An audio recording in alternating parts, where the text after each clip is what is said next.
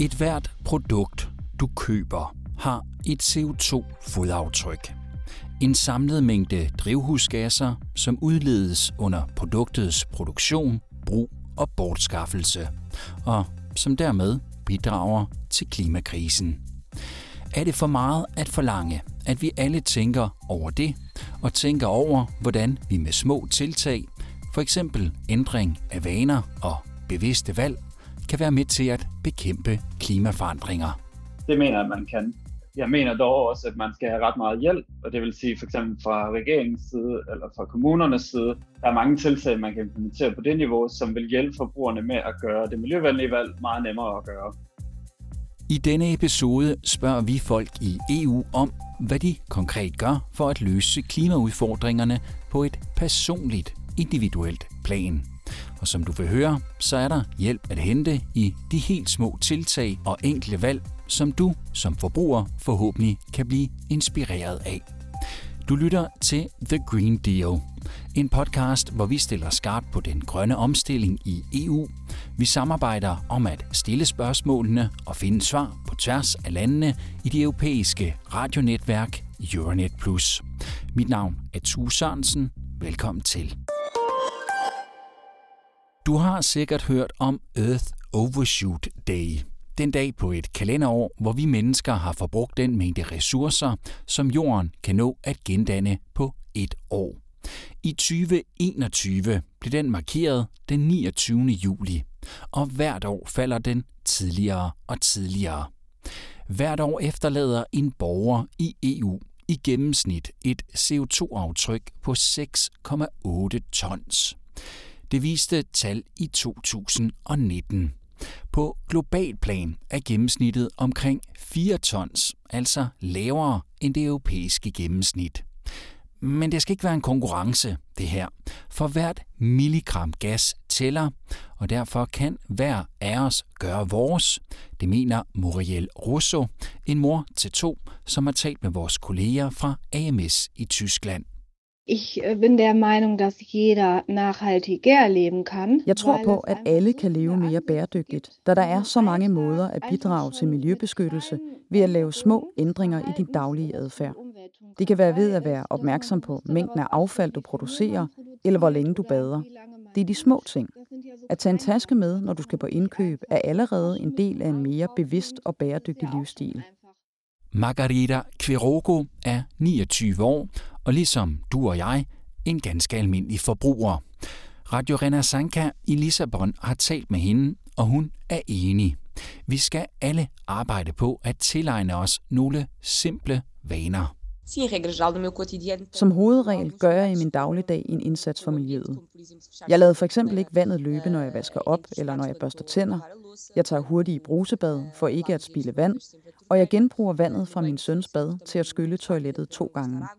Jeg genbruger også, og jeg forsøger altid at bruge lokale produkter, sæsonbestemte produkter, helst fra Portugal. Det at tilegne sig klimavenlige vaner kan også være godt for økonomien. Lige nu oplever vi alle, at energipriserne er høje, og det er blevet dyrere at bruge strøm og varme vores boliger op. Det har fået 22-årige Matteo Giulia fra Italien til at tænke mere over sit energiforbrug, fortæller han til Radio 24. Når jeg for eksempel er hjemme, og der er to andre medlemmer af min familie med mig, så prøver jeg at være opmærksom og ikke være i tre forskellige rum, men hellere samlet i et for at undgå spild af elektricitet. Jeg kører kun vaskemaskinen, når jeg kan fylde den helt med vasketøj. Det samme med opvaskemaskinen. Det er alle anstrengelser, der ikke har den store indflydelse på min livsstil. Vores kolleger fra belgiske RTBF har besøgt et stort treetagers hus, som er udlejet til seks studerende i Bruxelles. De tog Jonas Mormand med fra foreningen Eco Consa hvis arbejde består i at skabe opmærksomhed om ansvarlige og økologiske forbrugervalg.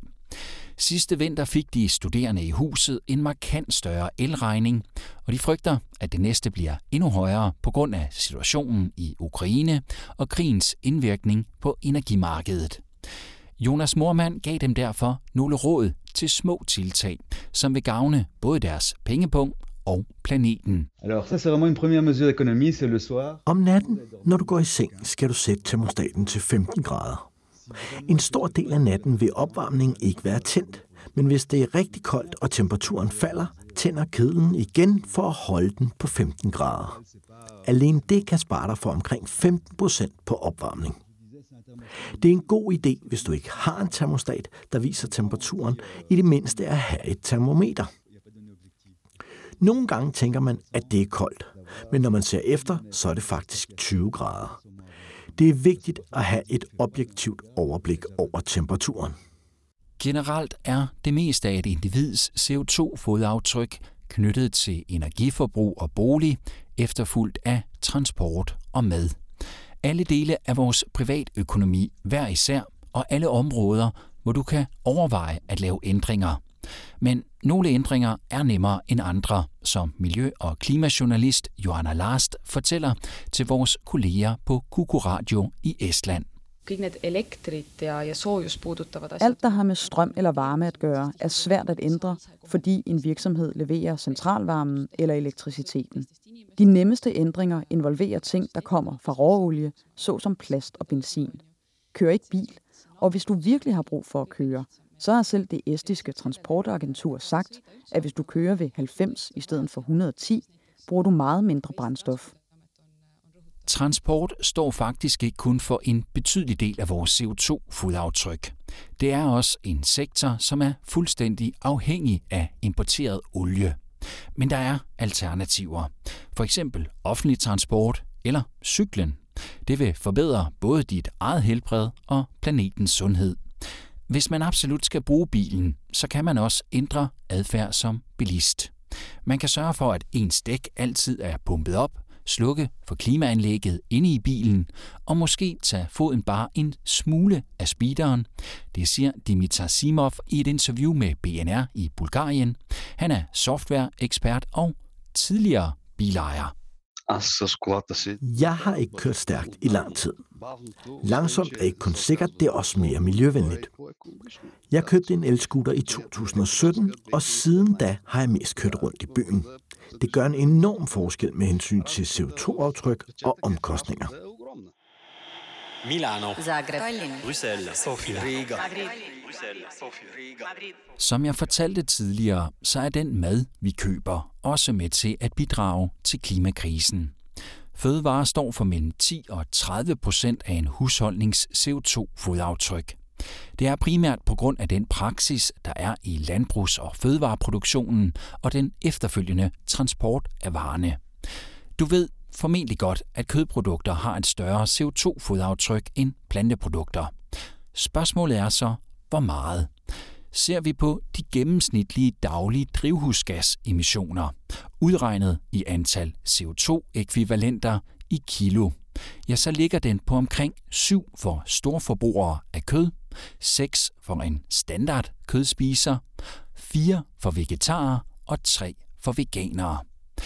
Der er altså en del at hente, hvis vi ændrer vores madvaner.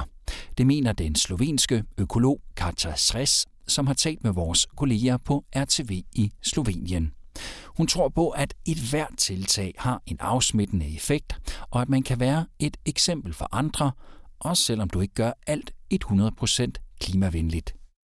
Ja, pristopov je veliko, ampak po našem mnenju i naših Nogle mennesker vil kun tage offentlig transport, andre vil for det meste spise plantebaseret mad, og andre vil handle i nulaffaldsbutikker. Lad os sætte et eksempel. Sammen kan vi også aktivt påvirke producenter og beslutningstagere til at lave ændringer, og så vil de fortsætte med at overbevise alle dem, som vores eksempel og vores ord ikke er nået frem til.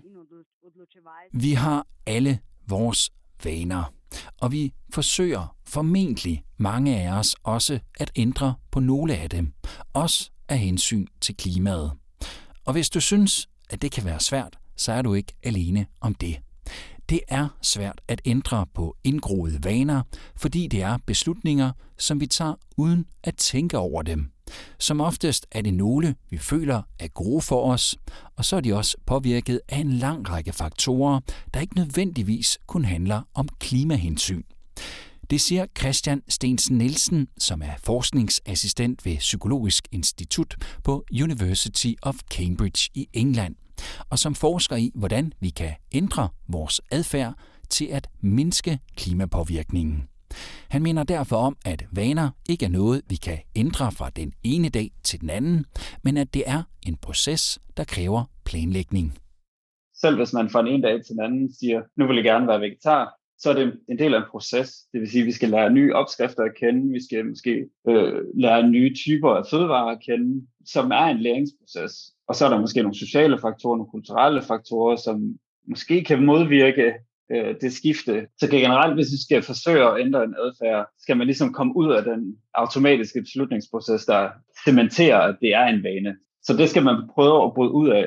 Og en måde, man kan gøre det, det er for eksempel at planlægge, hvilke type indkøb man gerne vil gøre, før man kommer ind i den købsituation, hvor man ligesom skal træffe valget. Det vil sige, du hjemmefra, det kan være, at du laver en, en shoppingliste øh, over, hvad du vil, eller du på forhånd, inden du kommer ind i miljøet, siger, det er det produkt, jeg gerne vil købe. Så det er der ret meget øh, adfærdsforskning, der siger, at det er en god strategi. Det vil ligesom planlægger, hvad du gerne vil, før du kommer i den situation, hvor du skal træffe valget.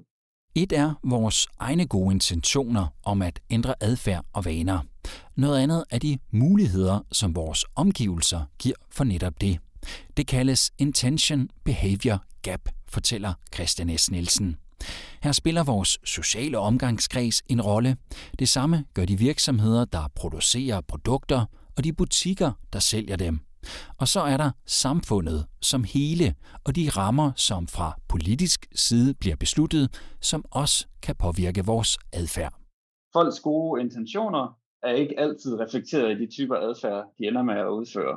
Og det er der rigtig mange faktorer til. E, nogle er psykologisk, andre er sociale, men det kan også være, at vores omgivelser gør det ret svært at udføre den handling, vi gerne vil. Et eksempel kan være, at vi gerne vil tage toget øh, frem for at køre eller flyve på ferie. Men hvis toget er dyrere, det er måske lidt ustabilt i forhold til at køre det til tiden. De ting, faktorer spiller også ind i, i forhold til, hvorvidt kan vi leve op til vores gode intentioner. Det kommer tilbage til, hvad ligesom andre eksterne, det kunne være myndighederne, kommunerne, kan hjælpe med igen at gøre det nemmere for os at udføre de, de gode intentioner og gøre dem til virkelighed. Vi skal altså, eller kan i hvert fald, blive hjulpet til at ændre vaner. Et eksempel, som vil kunne det, er en klimamærkningsordning, som Folketingets partier herhjemme i optagende stund har forhandlet om i et stykke tid.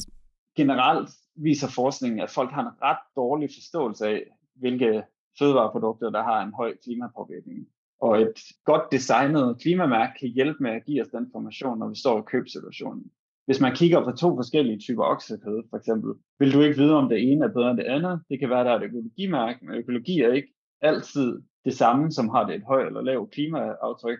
Så det vil sige, at hvis vi både får et mærke, som kan give os noget information omkring de øh, CO2-udledninger, er forbundet med oksekød, og vi samtidig kan sammenligne det med andre produkter. Så det vil sige, at vi kan se, om svinekød er bedre generelt set end oksekød.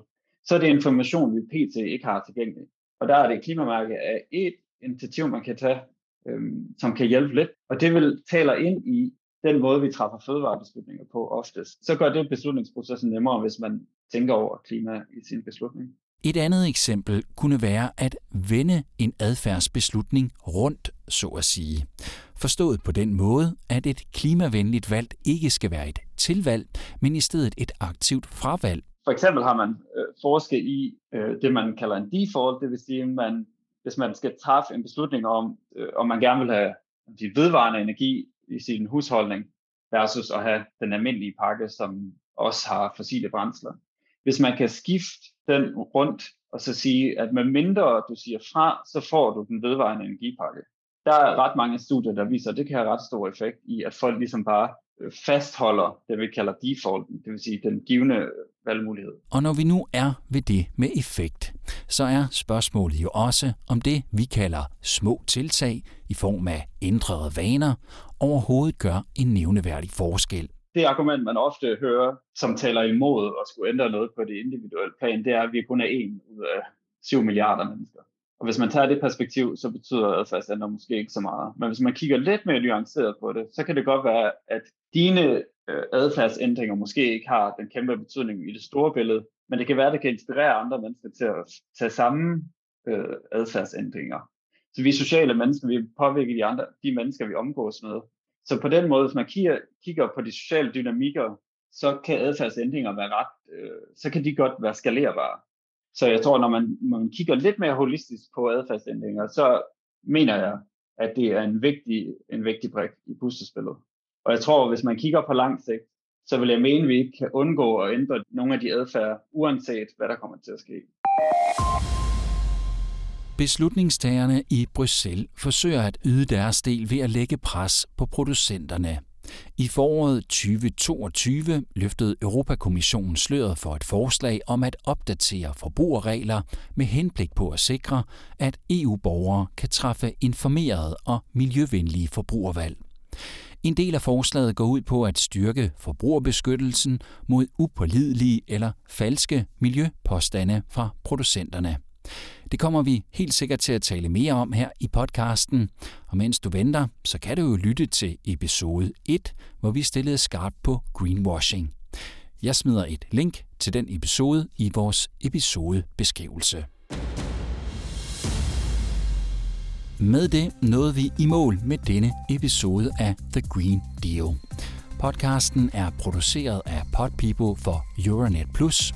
Hermione Donsel er redaktør. Nikolaj Tvinge har tilrettelagt, og mit navn er Tue Sørensen.